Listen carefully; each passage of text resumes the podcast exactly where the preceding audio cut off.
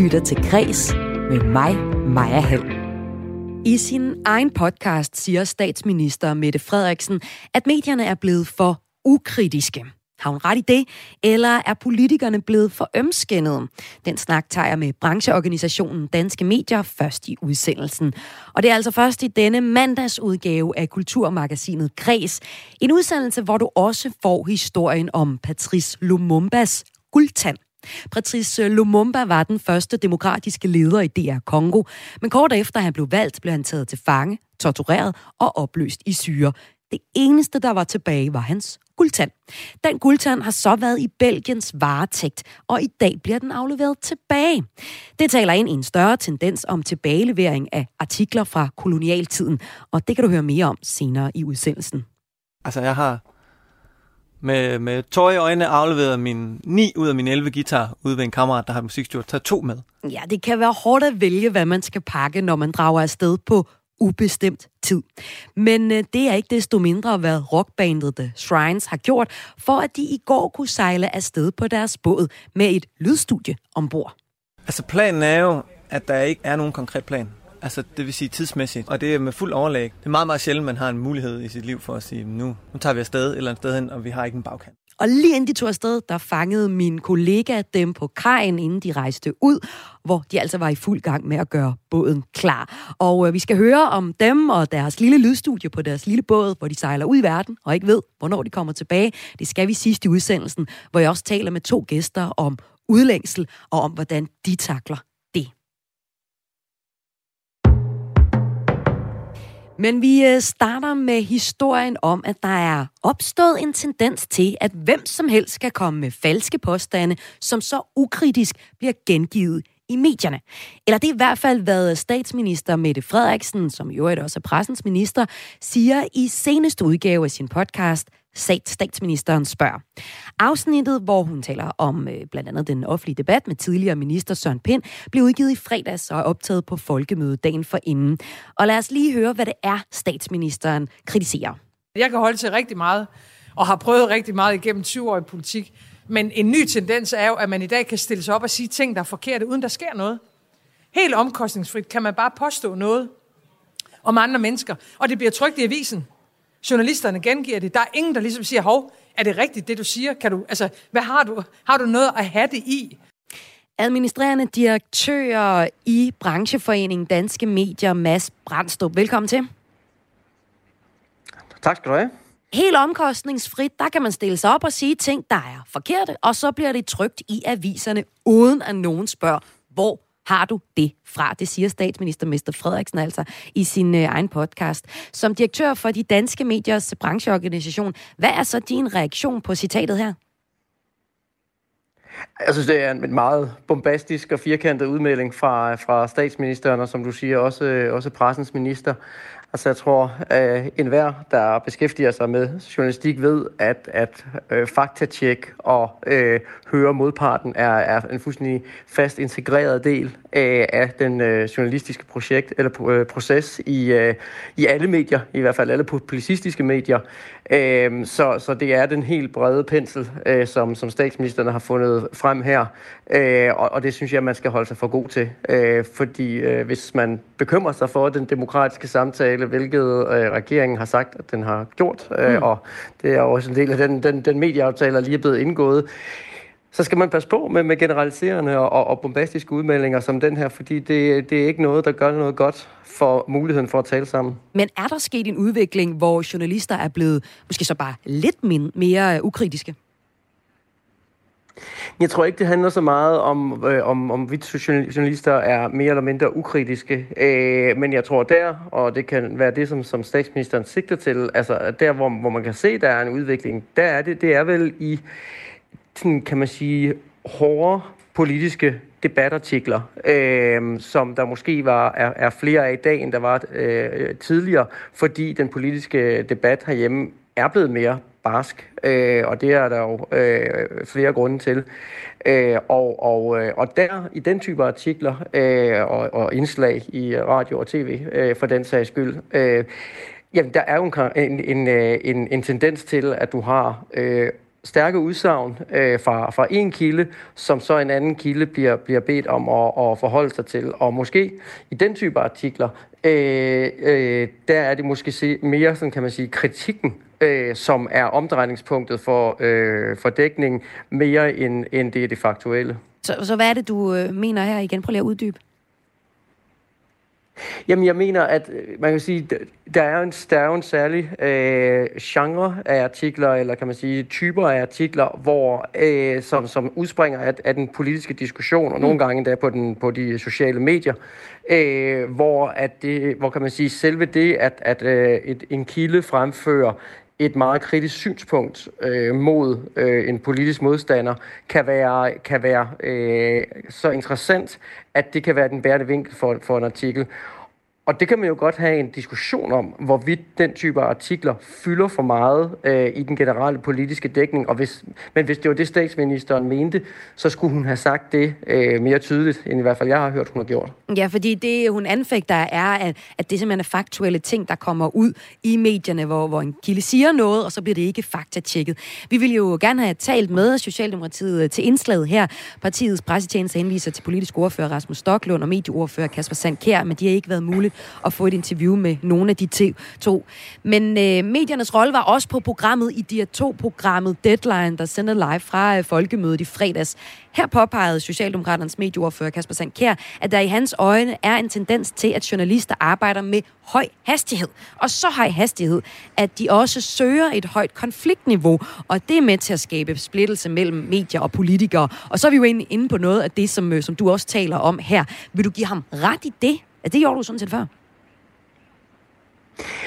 Det er klart, at tempoet er gået op, øh, og at antallet af artikler, der skal publiceres, er steget ret markant. Altså man kan sige, det var, det var jo en udvikling, der allerede startede med, øh, med, med TV2 News, da, da det blev grundlagt i 2006, at det politiske stof simpelthen fyldte mægtig, mægtig meget mere, mm. øh, end, øh, end, end det har gjort øh, tidligere. Altså, jeg var selv i en, en anden debat på folkemødet øh, med, med, med Venstres og Socialdemokratiets partisekretærer, hvor vi havde en snak omkring det og vilkårene for at gå ind i politik. Øh, og, og, og, og noget af det, som vi drøftede, det var blandt andet, fylder politik simpelthen for meget? Altså, sker der nok i dansk politik til, at det kan fylde så meget, som, som det gør?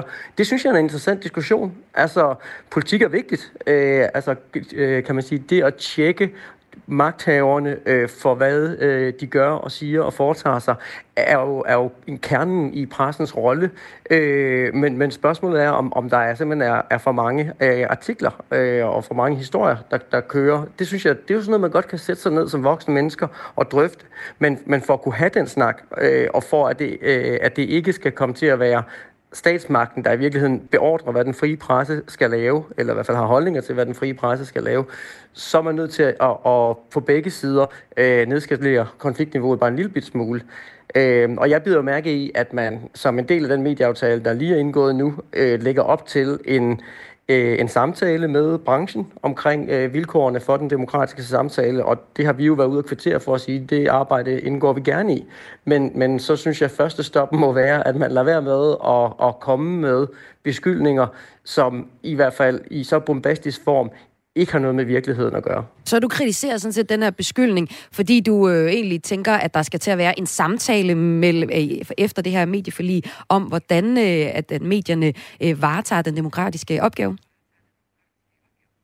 Ja, ikke kun medierne, også politikerne. Mm. Altså, fordi det er jo altså, forudsætning for, at, forudsætning for, at de, de historier, som statsministeren er ude at kritisere, de overhovedet kan blive til noget, det er jo, at der er en politiker, der, der er villig til øh, at komme med nogle, nogle ret krasbørstige udmeldinger. Det er jo det, der, det er jo det, der driver stoffet. Så, så hvis, hvis politikerne øh, selv synes, at der er for meget konfliktstof i, i de danske medier, så skal de jo stoppe med at medvirke til det. Mm. Øh, altså, så, så skal de jo holde sig for gode til, øh, hvis de skulle blive kontaktet på en eller anden historie, og de selv synes, ah, det holder ikke helt det her, mm. så, lad være med, så lad være med at stille op.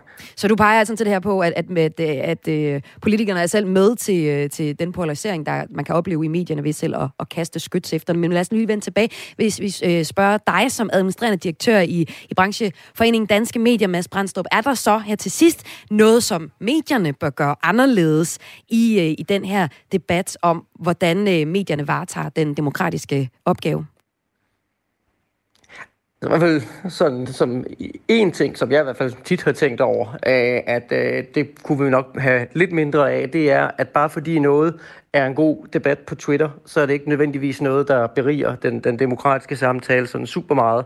Øh, folk har jo en tendens på de sociale medier og, og, og Twitter i særdeleshed at blive ekstremt polemiske i deres øh, tilgang til både det, det stof, de skriver om, men, øh, men også i høj grad hinanden. Mm. Og, og, og, og jeg synes, det at, det at Twitter ligesom skal være en kilde til historier, øh, det synes jeg er noget af det, som, som vi som branche godt kan snakke med hinanden om, om, øh, om, om er det nu også klogt? Øh, altså vil vi ikke heller tværtimod stå bedre ved at tro på øh, vores egen mediers styrke, øh, at det er bør være rammen om den demokratiske samtale? Sådan ser jeg sagde her administrerende direktør i brancheforeningen Danske Medier, Mads Brandstrup. Tak fordi du var med.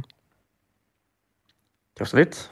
Og det var altså på historien om, at statsminister Mette Frederiksen mener, at der er opstået en tendens til, at hvem som helst kan komme med falske påstande, som så ukritisk bliver gengivet i medierne. Men det afviser altså administrerende direktør i brancheforeningen Danske Medier, som dog opfordrer til, at øh, journalister ikke laver historier sådan på baggrund af nogen, der kritiserer noget på sociale medier, for eksempel øh, Twitter.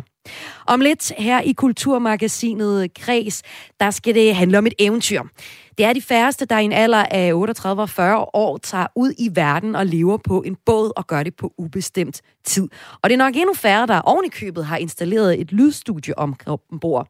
Men øh, sådan gør det sig altså gældende for mine gæster senere, eller nogen, vi skal høre fra senere i udsendelsen i dag. Det er et øh, band, der går under navnet The Shrines, der i går satte sejl for første gang på deres rejse, hvor hjemrejsen kan være om to år, eller 20 år, eller et sted midt imellem. Min kollega fangede dem fredag formiddag, hvor de var i fuld gang med at gøre båden klar. De skal vi høre om senere i udsendelsen, hvor vi også snakker med to, der begge lider af udlængsel, og hvordan de så takler det. Men først skal vi høre historien om øh, Lumumbas guldtand. Et øh, stykke kulturarv, altså guldtanden, der i dag bliver afleveret tilbage til DR Kongo. Du lytter til Græs med mig, Maja Hall. Ja, en guldtand spiller lige nu en central rolle i en snak om landets kulturarv. Ejermanden til den her guldtand, han hedder Patrice Lumumba, og han var den første demokratisk valgt leder i den demokratiske republik Kongo. Men øh, tanden, altså hans guldtand her, den har mange år befundet sig i Belgien. I dag bliver den så afleveret tilbage. Dette giver en følelse af oprejsning efter adskillige år, udtalte Patrice Lumumbas søn, Roland Lumumba, ifølge nyhedsbyrået Reuters til radiostationen RTBF i forbindelse med ceremonien. Historien om Lumumba og hans guldtand, den får du nu her i Kulturmagasinet Kres. Jeg kan byde velkommen til lektor på Center for Afrikas Studier på Københavns Universitet, Stig Jensen. Velkommen til. Tak. Du skal fortælle os historien om Lumumba, men først, det her er et ud af rigtig mange eksempler på kolonimagter, der begynder at levere genstande tilbage til de lande, de har koloniseret. Hvad er det for en tendensen overordnet set? Det er en tendens, at øh, landene i Afrika i højere og højere grad ønsker at få ting tilbage, som de mener tilhører dem. Og øh, det er måske ikke altid helt uproblematisk, når det ønske så bliver efterlevet, altså når kulturarven bliver leveret tilbage. Det skal vi se nærmere på. Men lad os lige tage den konkrete historie. Patrice Lumumbas guldtand. Lumumba var den øh, første demokratisk valgte leder i øh, det Kongo. Han hjalp med at vinde uafhængighed fra Belgien i 1960, efter mange år, hvor den belgiske kong Leopold den anden ellers havde et øh, brutalt styre over landet. Og hvordan går det så til, at Lumumbas guldtand lander i Belgiens varetægtstid? Altså i første omgang kan man jo sige, at øh, Patrick Lumumba var den her nye, unge, karismatiske leder, som havde stor opbakning øh, i, i landet generelt, men øh, det man var bange for, fordi man skal huske på, det er det under den kolde krig, det man var bange for i Vesten, det var, at han var kommunist, og han måske ville koble op på Østblokken. Og det vil sige, at øh, der blev lavet nogle forskellige infiltrationer med nogle forskellige folk i Kongo. Og det, der sker på et tidspunkt, det er, at han bliver fanget øh, og stillet for en rettergang, som ikke rigtig var en rettergang. Og øh, så bliver han dødsdømt, og efter han øh, var død, så var det nu der, så skar man ham i små stykker og smed det ned i et tyrebad, fordi man var bange for, at han skulle blive en martyr. Så derfor ville man gerne have, at alle hans efterladenskaber, de forsvandt. Øh, det var så sådan, at der var en belgisk politimand, som var med i forbindelse med det, og han tog så Lumumbas guldtand som en slags trofæ og tog det med hjem til Belgien. Og øh, i øh, 1885, der blev så et kæmpe område, altså det, det er ligesom historien ikke i det her Kongo, belgisk, eller rettere sagt styret gik videre til den belgiske kong Leopold den anden, det er altså baggrunden til det her. Og det var med ret hård hånd, altså det gik primært ud på at hente gummi, elfenben og andre naturressourcer gennem slaveri. Belgiens øh, konge blev i den sammenhæng ansvarlig for mere end, øh, eller for mellem 5 og 22 millioner mennesker stod. Det er ret usikkert, men det var virkelig mange. Og i 1908 overtager staten Belgien så området fra kong Leopold II, efter at øh, forholdene her er blevet afsløret. Hvor brutalt var den belgiske kong Leopold den anden over for det er Kongo? Ah, det var nok et af de mest brutale styre, vi nogensinde har set inden for de seneste, altså par hundrede år. Hmm. Man regner sådan set med, at, at halvdelen i den der periode fra, fra 1885 til 1908, så regner man med, at halvdelen af folk blev enten dræbt eller sultet i den her periode, plus en masse blev lemlæstet. Så det er uden sidestykke, vil jeg sige, i, hvis man kan kalde nyere historie. Og det hører jo også med til nyere historie, at kolonimagter, øh, tidligere kolonimagter nu, øh, er der pres på restyrer for, at, at, øh, at de, de her kulturarv skal afleveres tilbage. Og mens Belgien så småt er begyndt at forsøge at rette op på, øh, på historien, så har indsatsen stort set været lille og symbolsk. Alene i Belgien, så sidder de lige nu inde med øh, sådan 84.000 artikler fra det er Kongo. Sidste år så var den belgiske kong Philip, en indirekte efterkommer af kong Leopold II, ude og bryde sin tavshed om landets koloniale fortid. Han udtrykte sin dybe beklagelser over de voldsomme øh, voldshandlinger og grusomheder, der er blevet begået i Kongo under det belgiske styre. Roland øh, Lumumba, som er et af Patrice Lumumbas børnebørn, eller børn, har været ude at fortælle, hvad det betyder for, for dem som efterkommere. Og han øh, siger, for os som afrikanere startede sorgen for omkring 60 år siden. Med hjemkomsten af en del af ham, det er af hans krop, så vil vi afslutte sorgen og komme videre. Det er en lettelse for os, og i dag så får de så altså overleveret den her guldtand. Men hvad håber øh, beboerne i øh, DR Kongo på, at det kommer til at, at betyde, at nu den her guldtand kommer tilbage? Altså man kan sige guldtanden, og der var også blevet leveret en, en, en maske og nogle figurer tilbage i forbindelse med kongeparets besøg her. Ser man jo som første skridt i at få leveret de der mange, mange tusind øh, ja, det er jo helt vildt tilbage. mange ting. Altså. Ja, altså i det belgiske museum, der, øh, der er det over 84.000, ja. de har, som sagt. Ikke? Og, og, men det man jo håber, det, det, der virkelig er det, man håber, det er jo også, at der bliver sat kompensationer op her. Fordi man har en forhåbning om, at Belgien på et tidspunkt rent faktisk siger undskyld for det, de gør. Mm. Hvis de siger undskyld, så er der ligesom en automatik, der siger, så må man også kompensere økonomisk for de ugerninger, man har gjort. Og det har man jo set, at øh, land har gjort før med, med Tyskland.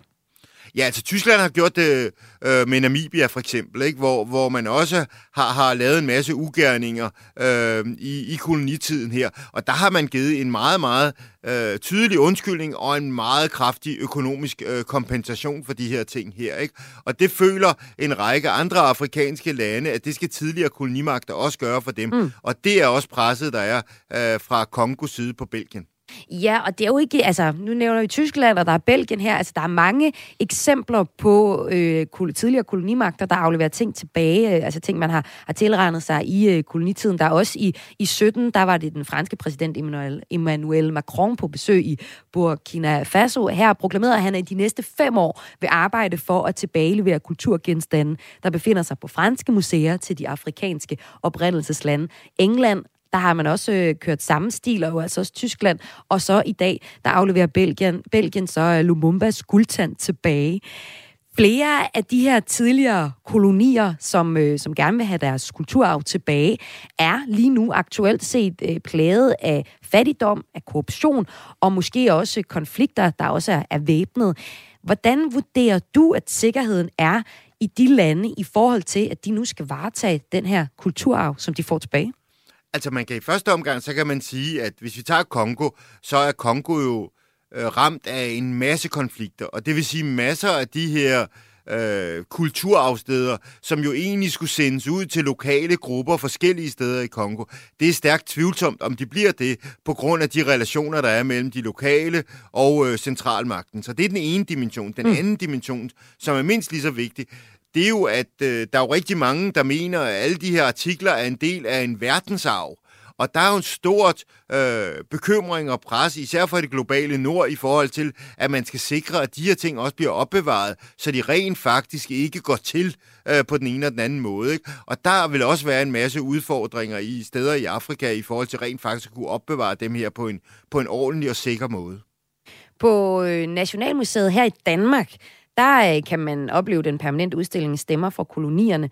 Her er der jo øh, genstande fra blandt andet Vestindien og Grønland, og museet råder også over samlinger fra for eksempelvis øh, Hammer i Syrien. Øhm, der er jo rigtig meget kulturarv i Danmark, og noget af det har vi også tilegnet os på forskellige måder, altså gennem plyndringer. Kan vi havne i en situation, hvor Danmark skal aflevere noget tilbage, ligesom den tendens, vi ser sådan globalt set lige nu? Ja, og det er vi jo allerede. Den, den har vi jo allerede haft, den der sag, især med Island, og, og tydeligst med sagagerne, men der kæmpes jo stadigvæk øh, med Island og Danmark i forhold til udlevering af nogle af de her ting. Og Danmark vil også have det i forhold til nogle af de mere oversøiske lande. Det, man bare skal tænke på, det er, at det, som det, som Danmark gjorde over, over mange hundrede år, det var primært handel. De var ikke kolonimagt i de oversøiske områder på samme måde som for eksempel Belgien, øh, Tyskland, England og Frankrig. Og hvis man skal tage et aktuelt, aktuelt eksempel fra, fra Danmark, så er det for eksempel i 11, der blev den jyske lov afleveret tilbage til Sverige. Den anses som øh, at være en af dansk kulturarvs største klenodier. Den ældste udgave af jyske lov er fra 1280, og den kom så tilbage øh, til, til Danmark efter næsten 300 års ophold i Sverige. Men det er jo så heller ikke en kolonihistorie, der er her. Så det jo adskiller sig fra den historie, som vi ellers har talt om nu. Og tusind tak, fordi du kunne fortælle om Patrice Lumumba og hvordan hans guldtand var landet hos Belgierne. Tak til dig, Stig Jensen, lektor på Center for Afrikastudier på Københavns Universitet. Tak fordi jeg måtte være med. Efter overdragelsesceremonien af Patrice Lumumbas guldtand, der vil øh, tanden blive taget med på rundtur i Kongo, hvor den først rejser til Lumumbas hjemby og efterfølgende til Si La Tembo, landsbyen, hvor Lumumba blev øh, dræbt, før den til sidst rejser til hovedstaden Kinshasa, hvor et mausoleum er ved at blive opført til at opbevare den her guldtand. Om lidt her i Kulturmagasinet Kreds, der skal vi tale om øh, udlængsel. De fleste går en gang mellem og drømmer om at rejse ud i verden, uden sådan at se sig tilbage. Og nogle få dyrker den udlængsel til det ypperste, mens størstedelen bliver herhjemme eller tager på mindre rejser og kæmper måske for at skabe en spændende hverdag. Det skal jeg tale med Morten Kirchhoff, der har været i mere end 100 lande, øh, om, og så skal jeg også tale med det med øh, Susanna Sommer, der har undersøgt sin egen udlængsel i øh, en podcast om, jeg vil sige, rejseministeren, drømmenes kaptajn, Troels Kløvedal. Men først, så skal vi høre fra et øh, rockband, der har fulgt deres udlængsel, og i går stævnet ud fra en østjysk havn, uden at se sig tilbage. Du lytter til Græs med mig, Maja Hall. Ja, med deres debutalbum i ryggen drager bandet The Shrines ud på togt i deres 42 fod sejlbåd på ubestemt tid, men med et lydstudie ombord. Min kollega Esben Lund besøgte dem midt i sidste del af klargøringen af båden. Øh, er det noget med, at I giver en uh, grundvisning? Ja da. Hvad hedder båden? Den hedder La Louve. La Louve? Som er uh, hundulven på fransk. Både skal jo have et kvindenavn, ja. Det er traditionen, og båden er fransk. Og, øh, og Anne er, er vild med Frankrig, og det samme med jeg. Så tænkte vi, fint her. Og jeg har sådan en sjov en her på armen, som også er en ulv. Okay, så, så på den måde så... Så den del Luve, og den på din arm, det er måske også... Det kunne det godt være, ja. Det kunne det godt være. Så det er måske meant to be? Måske. Det finder, altså, det finder vi ud af nu, ikke? Det, det gør vi i hvert fald. Lad, lad os kigge på det. Ja, ja, kom med ned. Ja, ham der skal til at give en rundvisning her, han hedder Rasmus Hamann, og øh, sammen med Anne Jensen, så står de bag The Shrines. De efterlader rigtig gode job i høje stillinger og skal lære ned på arbejdet til noget, de kan tage med. Og så har de ellers planer om at rejse rundt på de syv verdenshave. En øh, del af deres tur kommer til at bestå i at besøge havne og finde ud af, øh, om de kan lave noget musik med forskellige øh, folk, med dem de øh, laver, øh, med dem de kommer til at, at besøge på deres tur. Jeg tænkte på, om vi lige skulle prøve at gå ned og så øh, lige kigge på, hvordan det er, I har tænkt jer at lave musik. Ja, ja. Det, det, det, lad os gøre det. Og så tager vi lige den, øh, den forholdsvis stejle trappe. Ja. Man skal være forsigtig. Det er det hernede, øh, magien sker. Ja, altså nu... Lige nu er det jo bare... Det er mikrosetup'et, fordi jeg faktisk lige sidder og arbejder øh, på noget helt andet. Øhm, Og det kan blive, det kan blive større, eller hvordan? Øh, hvad, hvad, har I, hvad har I af muligheder, Ja. hvis I nu skulle, hvis I nu kommer til havn, og I finder nogen, der er super fede at lave musik sammen med? Ja. Øh, hvad, hvad, hvad gør I så? Jamen altså, øh, rundt i de der, du, det du ser her, er noget af, der er nogle skabe og noget halløj. Her hvor jeg sidder nede under, er der opbevaring over det hele. Og der er simpelthen, jeg har downscale, vi havde et musikstudie øh, før, nede i, nede i Lydhavn her i Aarhus. Og jeg har ligesom solgt de store ting, og så har jeg nedbarberet, det vil sige fra sådan nogle, altså alle har set et par kæmpe store studiemonitorer, så har jeg købt sådan nogle små, kompatible, men super fede øh, Genelec til de nørder derude, øh, studiemonitor, som jeg kan sætte op her. Så har vi øh, diverse sådan trommemaskiner og noget Ableton Push grej med. Inde i en af kytterne derinde ligger der, altså jeg har med, med tøj i øjnene afleveret min, min øh, 9 ud af mine 11 guitar ude ved en kammerat, der har et musikstudie, taget to med. Du har kun taget to med, og de, de, de ni får lov til at være på pause. De ni øh, har en break og forhåbentlig bliver brugt ude i min... Øh, vores, det er faktisk vores lydmand Ulriks øh, nye musikstudie, som han er ved at bygge. Så jeg håber, de får et liv derude. Så har vi taget to med. En akustisk, øh, som vi ligesom kan bruge og optræde med og optage, og en elgitar. Og så har vi jo så har vi en, en forstærker med os, som, som faktisk kan spise Andes vokal, plus en akustisk guitar. Så vi også godt kan performe. Altså, vi har jo vi har 220 volt ombord på båden. Vi har solceller. Så i virkeligheden kunne vi sejle ud af havnen, smide anker, øh, invitere alle ud i deres gummibåde, og så kunne vi spille en koncert for dem øh, udenfor. Og når det kommer til stykket, så handler den her tur for Anne og Rasmus om at have en hverdag, som ikke bliver styret af at have en masse ting, man skal huske at betale regninger og så videre, og jo så også, også et job, som man kan betale for det, altså et 8-16 job. Om lidt skal jeg tale med to, der kan give hver sit perspektiv på udlængsel. Jeg taler med Susanna Sommer, der står bag podcasten Drømmenes Kaptajn, hvor hun portrætterer Troels Kløvedal og undersøger sin egen udlængsel. Og så skal jeg også tale med et medlem af Eventyrenes Klub, Morten Kirchhoff. Men først så skal vi høre, hvorfor Anne og Rasmus har valgt at rejse ud. Min kollega har sat sig ned for at tale med dem om det. Altså planen er jo, at der ikke er nogen konkret plan. Altså det vil sige tidsmæssigt. Så vi tager afsted, og det er jo, og det er med fuld overlæg, at vi ligesom siger, mm, prøv at høre, vi... Det er meget, meget sjældent, man har en mulighed i sit liv for at sige, mm, nu, nu tager vi afsted et eller andet sted hen, og vi har ikke en bagkant. Så det kan være, at øh, det vi har lyst til at komme tilbage til Danmark om øh, to år. Fordi så var det ikke sjovt at sejle mere og lave musik. Det kan også være, at det stadig er sjovt om 20 år. Altså, eller vi har fundet en sjov base et eller andet sted. Altså, fordi vi er jo ombord på vores hjem, på vores base, hvor vi kan lave musik, altså her, hvor vi lever, og det kan vi jo så flytte. Så om det ligger her i Marseillesborg Havn, hvor der er lækkert, eller om det ligger på østkysten i USA, eller ude i Fransk Polynesien, så er det jo så er det stadig vores hjem, vi har sådan taget på ryggen og rejst afsted med. Ja, jeg ved ikke lige helt, om jeg kan have den her båd på, på ryggen, men, men, det, men det er da tæt på. Altså, I har i hvert fald alting her. Altså, nu havde jeg jo både en PlayStation 5, og I har en computer, og I har øh, udstyr til at lave musik. Øhm, men, men nu snakker du om den her mulighed for at tage afsted.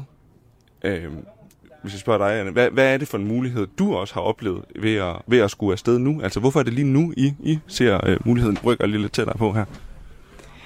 Jamen, øh, jeg tror, det er jo også en mulighed, som vi har skabt. Altså ved at øh, tage den her beslutning og begynde at snakke om, hvordan kan man gøre det, øh, har sparet noget op, men også indtil videre i hvert fald sat os et sted, hvor vi kan tage lidt arbejde med, rent faktisk have en omsætning øh, eller en indtjening undervejs, og så det her med at have musikken som et projekt, vi gerne vil, vil have mere tid og mere øh, headspace til at, at udfolde. Øhm, så, så jeg ved ikke, om man... Altså jo, man kan godt sige, at det er en mulighed, der er der, men det er også en mulighed, som, som vi tager øh, med de udfordringer og... Øh, ja, altså udfordringer og muligheder, men også udfordringer og konsekvenser, det har at, at forlade øh, familie og venner og så videre. Øh, men altså, indtil videre tager vi jo ikke længere væk, end man godt kan komme på besøg, så det er jo ikke... Og i dag, hvor alt er digitalt, og vi også tænker os at være... Øh, hvad kan man sige, have musikken digitalt og have en digital tilstedeværelse med, med vores musik, så er man jo ikke længere væk end som så. Nej, og, og det, den der mulighed, den, altså i princippet, så har vi den jo alle sammen. Altså, vi kan jo alle sammen gøre som jer, men det er meget få, jeg kender ikke rigtig andre, der gør det, som I gør. Altså det her med at tage afsted på ubestemt tid, og, og måske også have musikken i, i fokus. Hvor, hvor, hvor længe har det været undervejs, øh, den her, den her drøm, I nu realiserer her søndag? Det er et meget godt spørgsmål. Jeg tror, at den, den helt spæde øh, start på drømmen er jo nok cirka 5 år gammel, hvor det er der, jeg begyndte at lære at sejle. Jeg har ikke sejlet hele mit liv, ligesom en masse andre. Jeg startede for, ja, for fem år siden cirka, hvor jeg tog dulighedsbevis, efter at have set nok lidt for meget YouTube og fede YouTube-kanaler, og jeg har dykket en del og været afsted på sådan nogle live board både, så på sådan rimelig inspireret af det. Så tog dulighedsbevis, så gik der en måned, halvanden, så har vi købt en båd sammen med, øh, sammen med en god ven, som jeg har en mindre båd end den her, som ligesom kunne øve os i og vælt rundt i alle mulige havne, og ikke helt kunne finde ud af, hvordan man skulle gøre. Og så tror jeg om på en ferie i den, eller måske faktisk, vi har også lejet en båd i Grækenland på et tidspunkt med nogle venner, som jeg sejlede. En ferie der, hvor man sådan, okay, det, det, det kan et eller andet specielt. Og så tror jeg, det helt store første skridt var jo for to og et halvt, tre år siden, da vi købte den her båd og hentede den i, lige uden for Amsterdam i Holland, og sejlede den hjem. Og sådan, okay, nu har vi i hvert fald nu har vi muligheden, og vi har båden. Så nu handler det om at finde ud af, om vi kan blive dygtige nok, og om det passer ind i alle de andre ting, vi også vil med vores liv. For eksempel vores, altså vores musik og vores, øh, vores karriere og sådan noget. Giver det mening at gøre det her? Og så tror jeg stille og roligt, vi har bygget der, det, ikke, det har ikke været sådan, vi har sat os ned på et tidspunkt og sagt, bang, to år, så tager vi afsted. Starter motor. Starter motoren lige ved siden af. Ja. Det er vist okay. Ej, de, de er vist på vej øh, afsted på tur. Men, øh, men, men nu, er det så, nu er det så altså, fra at gå og drømme om det for fem år siden, og så til at sige, nu gør vi det. Nu, nu, nu sætter vi alt på pause, stort set, øhm, og, og tager afsted. Hvad, hvad, hvad, var det sådan, hvad var det afgørende? Var der sådan et, et øjeblik, eller var det sådan en, en tankerække, der ligesom, okay, nu er vi der? Jeg tror, det byggede sig lidt op i os. Øh, vi havde den her idé om, at på et tidspunkt skal vi ud og sejle længere. Øh, så har vi lige boet to år i Hamburg øh, på grund af mit arbejde, og der kom vi så tilbage fra for to år siden. Og jeg tror bare, på et eller andet tidspunkt, så indser man, at der er ikke et rigtigt tidspunkt i forhold til karriere og det ene og det andet. Men der er måske et rigtigt tidspunkt at tage beslutningen på. Altså, hvornår føler man sig modig nok til det, eller, eller har lyst nok til det. Og der tror jeg måske faktisk, at øh, corona har skubbet en lille smule til noget, fordi vi har haft lyst til at sejle mere, øh, men uden helt at kunne få det til at passe ind i hverdag og tid og så videre. Så en erkendelse af, at vi får ikke sejlet det, vi har lyst til, og så mm, det kan vi faktisk selv gøre noget ved. Så hvis jeg må lige til for en ting, så tror jeg det der med, at nu kaldte du lige en pause, så tror jeg det var fandt ud af, at vi sætter jo faktisk, vi sætter ikke noget på pause. Tværtimod så sætter vi, så sætter vi strøm til nogle andre dele af vores liv. Altså i stedet for, at det er kun karriere og arbejde, og så klemme alt det andet, sådan fritid og ferie og musik ind i det resterende tid, så vender vi det nok en lille smule på hovedet nu. Og måske bliver det lidt sammen. Og mixer det fuldstændig sammen i en mærkelig pærvælling. Altså man, man kan jo sige, det er jo de fester, der gør det som jeg. Altså de her både, der ligger her omkring os, og sådan nogle der, der de, så tager man lige ud, og så sejler man, og så kommer man tilbage, fordi man kommer tilbage til, til hverdagen og til det samfund, vi, vi lever i. Altså, øhm, ser, ser I det som sådan et, et, et opgør med det samfund, vi lever i, det, det I gør nu? Altså, både og. Altså, ja, jeg ser det som mit og Annes, nu taler jeg bare lige for mig selv, altså opgør, fordi jeg er, er 400% overbevist om, at der findes alle mulige forskellige måder, vi kan leve på. Og det behøves ikke være, altså det er godt for mange, og det passer ind i de fleste familier, at man arbejder fra 8 til 4, og så kan man hente og bringe sine børn, og have et dejligt hus og sådan noget. Og det er jo det her intet imod. Jeg synes, det er fantastisk. Jeg tror bare, det her er vores lille oprør mod, opgør mod at sige, man kan også gøre noget helt andet. Og det kan man også, selvom man, altså, selvom man kommer fra et helt, helt almindeligt øh, vilkår, så kan man sagtens vende tingene på hovedet og vælge at gøre det på en helt anden måde. Så for mig er der noget, jeg kan godt mærke, at de samtaler, jeg har haft med, også især sådan i mit arbejde, altså med forretningspartnere og kollegaer og netværk, at vi får lige prikket til noget, der er flere, der er kommet tilbage efter, de har hørt det her, sådan, åh, jeg blev lige lidt inspireret til, måske skulle vi lige prøve, og måske skal jeg lige tage et halvt år i udlandet og sådan noget. Og det er sgu, det er sgu ret fedt at være med til at prøve at skubbe til det, og det er også det, vi vil prøve at gøre med de kanaler, vi nu engang kommer til at dele noget på. Hvilke tanker har I gjort jer om det der med, sådan, og, og nu, nu, du snakkede lidt om det før, Anna, det her med at, og I stadig kan holde kontakten digitalt og sådan, og, og i starten er I jo heller ikke længere væk, end man måske bare lige kan købe en flybillet. Det er jo efterhånden blevet rimelig, rimelig billigt. Øhm, men, men alligevel så bliver der jo noget, I forlader. Altså, I kan ikke sætte jer op på cyklen og cykle hen til en ven eller en kammerat eller et familiemedlem. Øhm, hvilke overvejelser har I gjort jer om, omkring lige præcis den ting? Øhm, vi har gjort det før, da vi flyttede til Hamburg. Øh, var det jo også et brud med i hvert fald den der hverdags øh, nærkontakt. Øh, og det, det var fint. Det fandt vi ud af. Det fik vi faktisk en masse rigtig gode oplevelser ud af, når folk de kom og besøgte, eller man fandt ud af, at okay, vi kunne faktisk godt lige ringe sammen og, og, og finde ud af det, eller have online-møder, der gav god mening. Øh, så det er den ene ting. Den anden ting er at en erkendelse af, at det bliver bare ikke, det er bare ikke nemt. Altså det er bare en konsekvens af det, og det øh, skyldes det her valg, vi har taget. Og så må man prøve at finde ud af, hvordan man gør det allerbedst. Øh, og prøve at tage dem, som betyder noget med på rejsen. På hvilken måde det nu måtte være. Ja, fordi det, det, det lader mig også hen at spørge. Altså, det er jo, mange har jo sådan en øh, øh, drøm om den familien, og, og det her med det her familieliv, hvor man ligesom er sammen som en eller anden familie. Øh, hvordan, hvordan, øh, hvad har, hvilke tanker har I gjort omkring det? Altså, jeg tror, vores familie er der jo. Og jeg synes, Anne, hun siger det meget godt, at vi skal have dem med og dele de oplevelser. Både have nogen fysisk med. Vi har to. Vi sidder oven på to gæstekahytter. De er hernede under. Så der kan være fire mennesker mere med ombord. Og så tror jeg, vi ser alle de rigtig gode og tætte relationer og venner, vi har, som altså en del af vores familie og vores omgangskreds, som vi rigtig gerne vil dele den her oplevelse med. Hvad, hvad har de sagt til, at I, I, I nu tager afsted på ubestemt tid? Blandet, ikke? altså, øh, jeg tror, min familie har været... Øh, altså, min far især har været rimelig... Det forstår han godt. Han er også musiker. Han er, hvad er nu, 65, 66 og har spillet musik hele sit liv, og vi havde lige en fantastisk oplevelse i, for et par dage siden, hvor vi, øh, vi var Royal Arena og se Clapton sammen. Min fars helt store idol, og efterhånden også, øh, nok også mit for det, det jeg har lært. Og der fik vi at snakke en del om, hvor han sagde sådan, om, altså, det er jo virkelig, han er fra Esbjerg. Jeg er født og opvokset i Esbjerg, så han sagde, det er jo virkelig træls, at de skal afsted. Men det var også helt fantastisk. Altså, det er jo et eventyr, og altså, selvfølgelig skal I det. det. Så der er det sådan en selvfølgelighed. Og så er det jo selvfølgelig, nu har vi haft, lige inden du kom, var der også lige en, en god ven forbi og spise en croissant, mens der var en håndværker nede under. Og det er da bare, det er jo en erkendelse af, at alle egentlig bakker op, men det er også øh, pissehårdt. Har, har der slet ikke været nogen, som har tænkt, vi ikke lade være med at tage afsted? Jo, det tror jeg da. Altså, øh, men der, det vi i hvert fald har oplevet, er også en, en god forståelse af, at det er det, vi skal. Og så kan det godt være, at man ikke selv helt kan forstå det, eller selv vil have lyst til det, men, øh, men at det er det rigtige for os.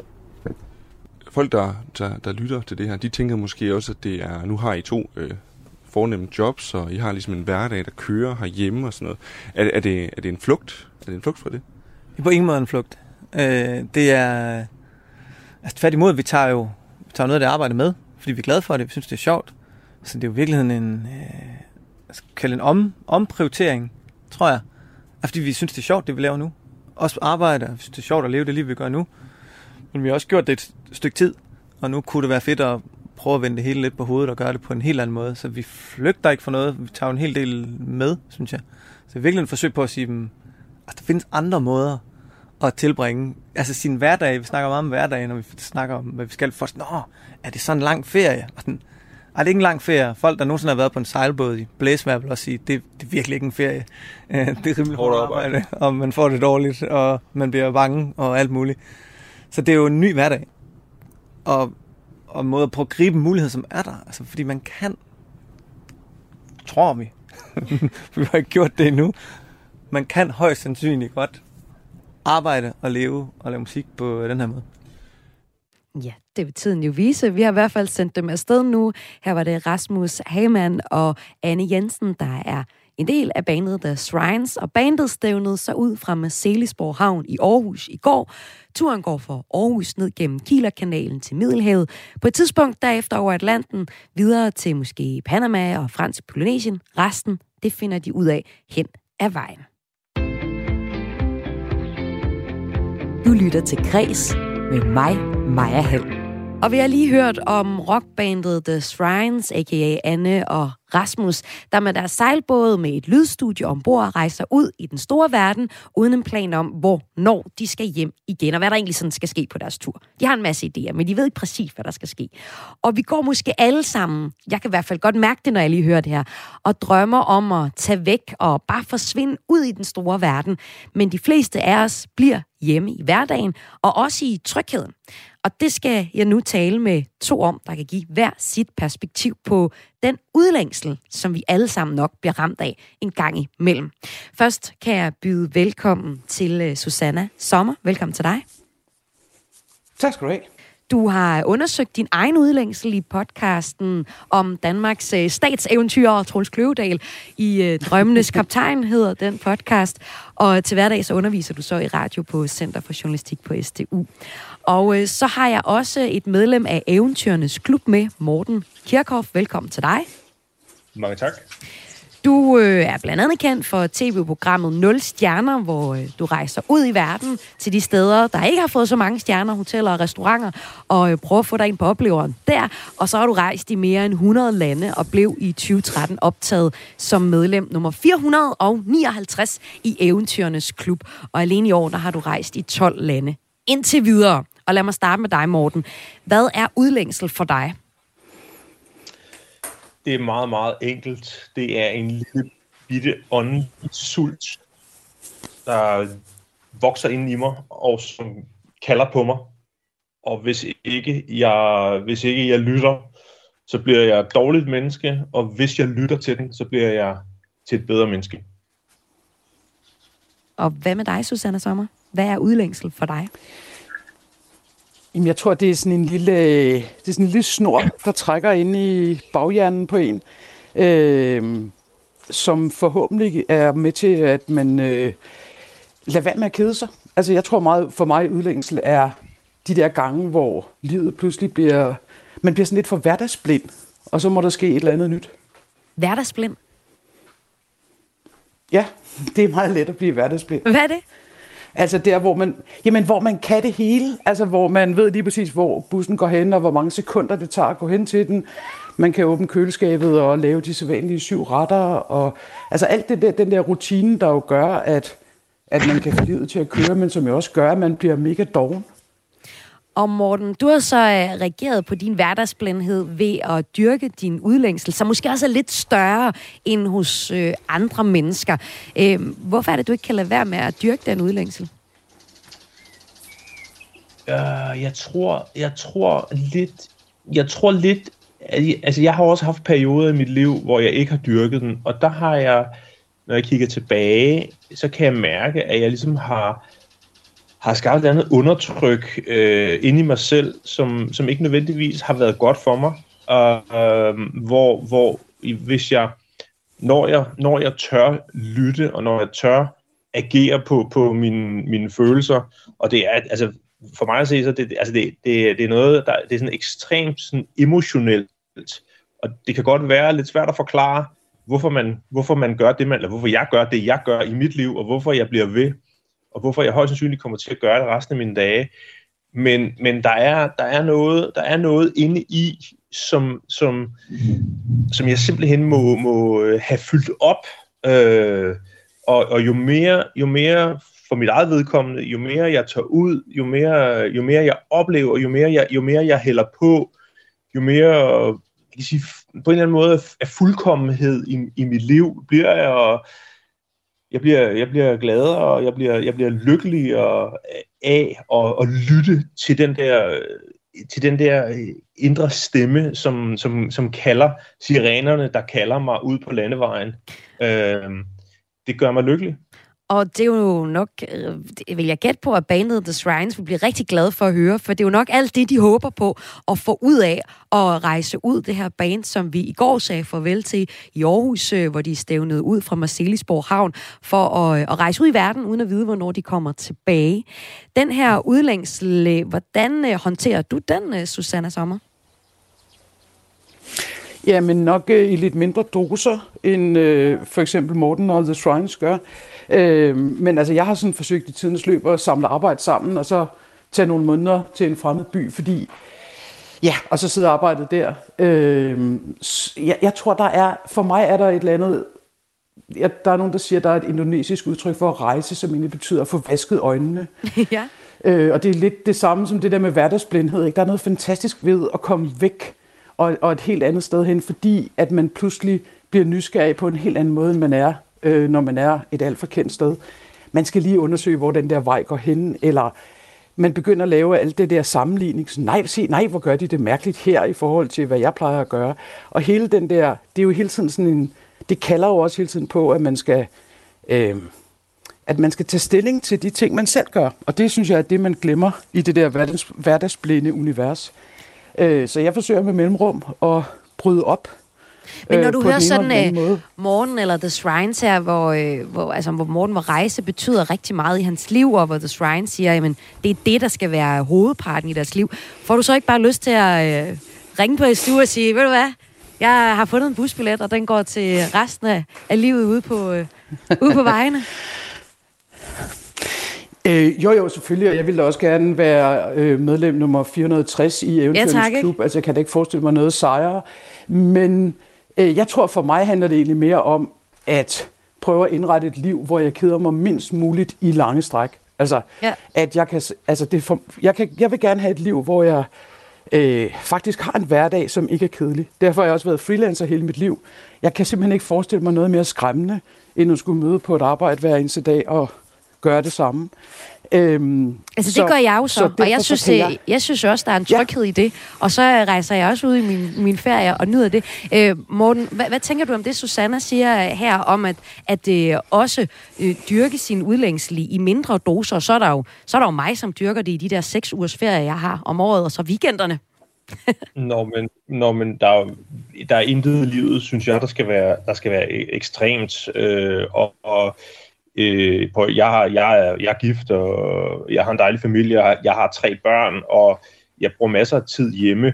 Og, og, og det, er ikke, altså det er ikke på den måde, at det ikke drømmer om at være på landevejen øh, hele livet. Jeg tror bare, at det der sker, det der sker for mig, når jeg rejser, og det, det er, at man rejser ud med, med, med sine sanser åbnet. Altså fordi hver gang man kommer til et nyt sted eller et nyt land, og medmindre man har siddet og kørt det hele igennem på Street View, og man har booket alt muligt på forhånd, og, øh, og man ligesom har i, i sit Excel-ark planlagt, hvad man skulle, så kan man i virkeligheden øh, faktisk nøjes med bare at åbne sit sensorapparat, og så lade tingene ske. Og vi ved jo, ligesom, ligesom når børn lærer verden at kende, øh, de stiller jo indtil de er 6-7 år, så stiller de jo, øh, øh, så stiller de jo spørgsmålet, hvorfor, øh, 100 gange om dagen de stiller, de stiller spørgsmålet, hvorfor til alt? Hvorfor har kommoden fire ben? Øh, hvorfor står konen? Hvor, alle de der ting, som vi kender fra børnering og børnering. Hvorfor, hvorfor, hvorfor? Og når de bliver 6-7 år og starter i skole, så stopper de med at stille spørgsmålet, hvorfor til alt? Men når man er ude i verden, så, og man, og man lander, om man lander i New Delhi, eller Tirana, eller lige meget dybest set, hvor fanden man er, man kan også og man behøver heller ikke rejse særlig langt. Man kan køre over broen til Sverige og stå i Malmø, og så, kan man, så begynder ens, ens sind og ens sanser begynder at stille spørgsmålene. Hvorfor fanden putter de rejselag på hotdoggen? Hvad er det? Hvorfor? Hvad, hvad, hvad, hvad smager det nu af? Mm. Øh, hvor, hvor kommer det fra? Og når man har prøvet den, og man har sagt ja tak, så kan man altid bagefter tage stilling til, om man selv synes, det er sjovt eller dårligt, men der er en eller anden form for kulturel, mental og følelsesmæssig udvikling, som, som jo er, på, altså, som, så, så, altså, og når jeg rejser, det bærer det måske også lidt præg af, det tv, jeg laver i øjeblikket, altså, jeg, vi prøver virkelig at se verden med børns øjne, og, og bare sige, hvorfor, og samtidig sige ja til alt, som om vi ikke aner, hvad, hvad der rammer os. Øhm, og det er jo det, der udvikler vores... Det udvikler jo alt i os. Vores, eller eller vores udvikler følelse. nogen, kunne man måske også spørge. Hvad siger du? Udvikler nogen. Det er vel heller ikke alle, det fungerer for. Nej, men alle, alle har godt af at stille, både, både spirituelt og, og følelsesmæssigt, har man godt af at stille spørgsmålet, hvorfor gør jeg, hvorfor gør jeg det, jeg gør? Hvorfor er jeg den, jeg er? Hvorfor hænger verden sammen på den måde? Hvorfor er der nogen, der tror på nogle andre guder? Hvorfor er der nogen, der anskuer øh, problemer på en måde, når vi anskuer mm. det på en anden måde. Vi, kan, vi, vi, behøver ikke, vi behøver ikke, men vi glemmer bare i dag, i vores ret konforme og rationelle liv, så glemmer vi faktisk nogle gange at åbne vores sanser og åbne vores sind. Og der tror jeg meget på, og det er helt, jeg siger ikke, at alle skal gøre det, jeg tror bare meget på, at hvis man lige går væk fra alfavej, og man lige lader være med at gøre det, som ens øh, algoritme øh, dikterer en, man bør gøre, og hvis man lader være med at lytte til konformiteten og rammerne, og det, det som der ligesom bliver dikteret som en eller anden form for sandhed, hvis man stiller spørgsmålstegn ved det, så kan man jo altid tage stilling til det bagefter, og man, hvad man vil og hvad man ikke vil i sit liv. Susanne Sommer, jeg kunne også tænke mig at høre dig. Du har lavet den her podcast, Drømmenes øh, kaptajn, øh, om Troels Kløvedal, en prisbelønnet øh, radiodokumentar, der fortæller øh, Troels Kløvedals historie og også undersøger din egen udlængsel øh, på, øh, på et punkt, hvor, hvor Troels Kløvedal tager ud i hele, hele verden, og du er i gang med at finde dig selv i, i Danmark i, i den her dokumentar. Øh, hvorfor tror du, at så mange elskede Troels Kløvedal, vores sejler, jeg ved ikke, hvad jeg skal kalde ham, sejleren, eventyren, er afdøde Truls Kløvedal. Og han spørger så meget, at, at han spørger stadig sælger, og hans efterkommer, Mikkel Bea-familien, stadig fascinerer folk med deres rejser. Men det var jo faktisk, altså det er jo for det første derfor, den hedder Drømmes Kaptajn, og det var jo også noget af det, der interesserede mig, for det interesserede mig sådan set ikke at lave sådan et portræt af Truls Kløvedal, det interesserede mig, hvorfor, øh, hvorfor, vi havde, altså hvorfor vi i så mange årtier har haft brug for at se på nogle lyshårede mænd med solbladet hår, der stod på et skibsdæk på en anden eksotisk kyst. Øhm, så jeg havde sådan et, øh, et ord, der stod på min computer, på en lille gul sædel på min computerskærm, nemlig drømmeventil. Og jeg tror i virkeligheden, at øhm, jeg tror, at de fleste mennesker, som jo lever i en eller anden form for hverdag, har brug for den der sådan fuck you-tanken, ikke? Det der, prøv hør, hvis det hele bliver lidt irriterende, så kan vi tage væk. Og vi har brug for at se nogen, der er modige nok til at gøre det, og, og har det der, om, prøv at høre, det kan man sagtens. Altså som vi nu hører Rasmus og Anne i reputation før, ikke? at når nu gør de det bare. Jeg tror, vi har brug for den der følelse af, at, at der er en udvej, hvis nu man bliver et af den der hverdag. Jeg bor øh, i Korsør efter et stort livsopbrud, en anden form for udlængsel, øh, og jeg kan se øh, Storbæltsbroen her, hvor jeg bor, og det er en helt fantastisk følelse af, at der er en mulighed for at komme væk. Så kunne man spørge, fra hvad? Ja, det ved jeg ikke. Bare den der fornemmelse af, at, at man kunne smutte, hvis det var. Og den drøm, tror jeg, at vi har brug for, og det tror jeg også er derfor, at, at Kløvedals familiens rejser er blevet så ikoniske, at, øh, at det ligesom er en følelse af, at, at der er en kattelem, hvis, øh, hvis det hele bliver lidt for trangt, jamen så er der en kattelem ud til verden. Og det her tror jeg, vi har brug for nogle, jeg ved ikke, om man skal kalde det rollemodeller, men jeg tror, vi har brug for nogle mennesker, som viser, at det faktisk kan lade sig gøre. Det har de jo i hvert fald øh, vist, øh, de her rockband, som jeg synes, vi skal slutte af og høre lidt af deres musik fra. Deres øh, debutalbum kom øh, lige her, inden de tog afsted i fredags. Altså The Shrine, som nu er stævnet ud fra øh, Marcelisborg Havn i Aarhus for at rejse ud i verden og få dulmet deres udlængsel. Og det var altså også det, vi har talt om her i Kulturmagasinet. Kreds, tusind tak, fordi I var med. Morten Kirchhoff, kendt fra tv-programmet 0 Stjerner på DR, og øh, også medlem af Eventyrenes Klub. Og også tak til dig, Susanna Sommer, der står bag øh, anbefalesværdige podcast Drømmenes Kaptajn om blandt andet udlængsel og Troels Kløvedal. Tak til jer begge to.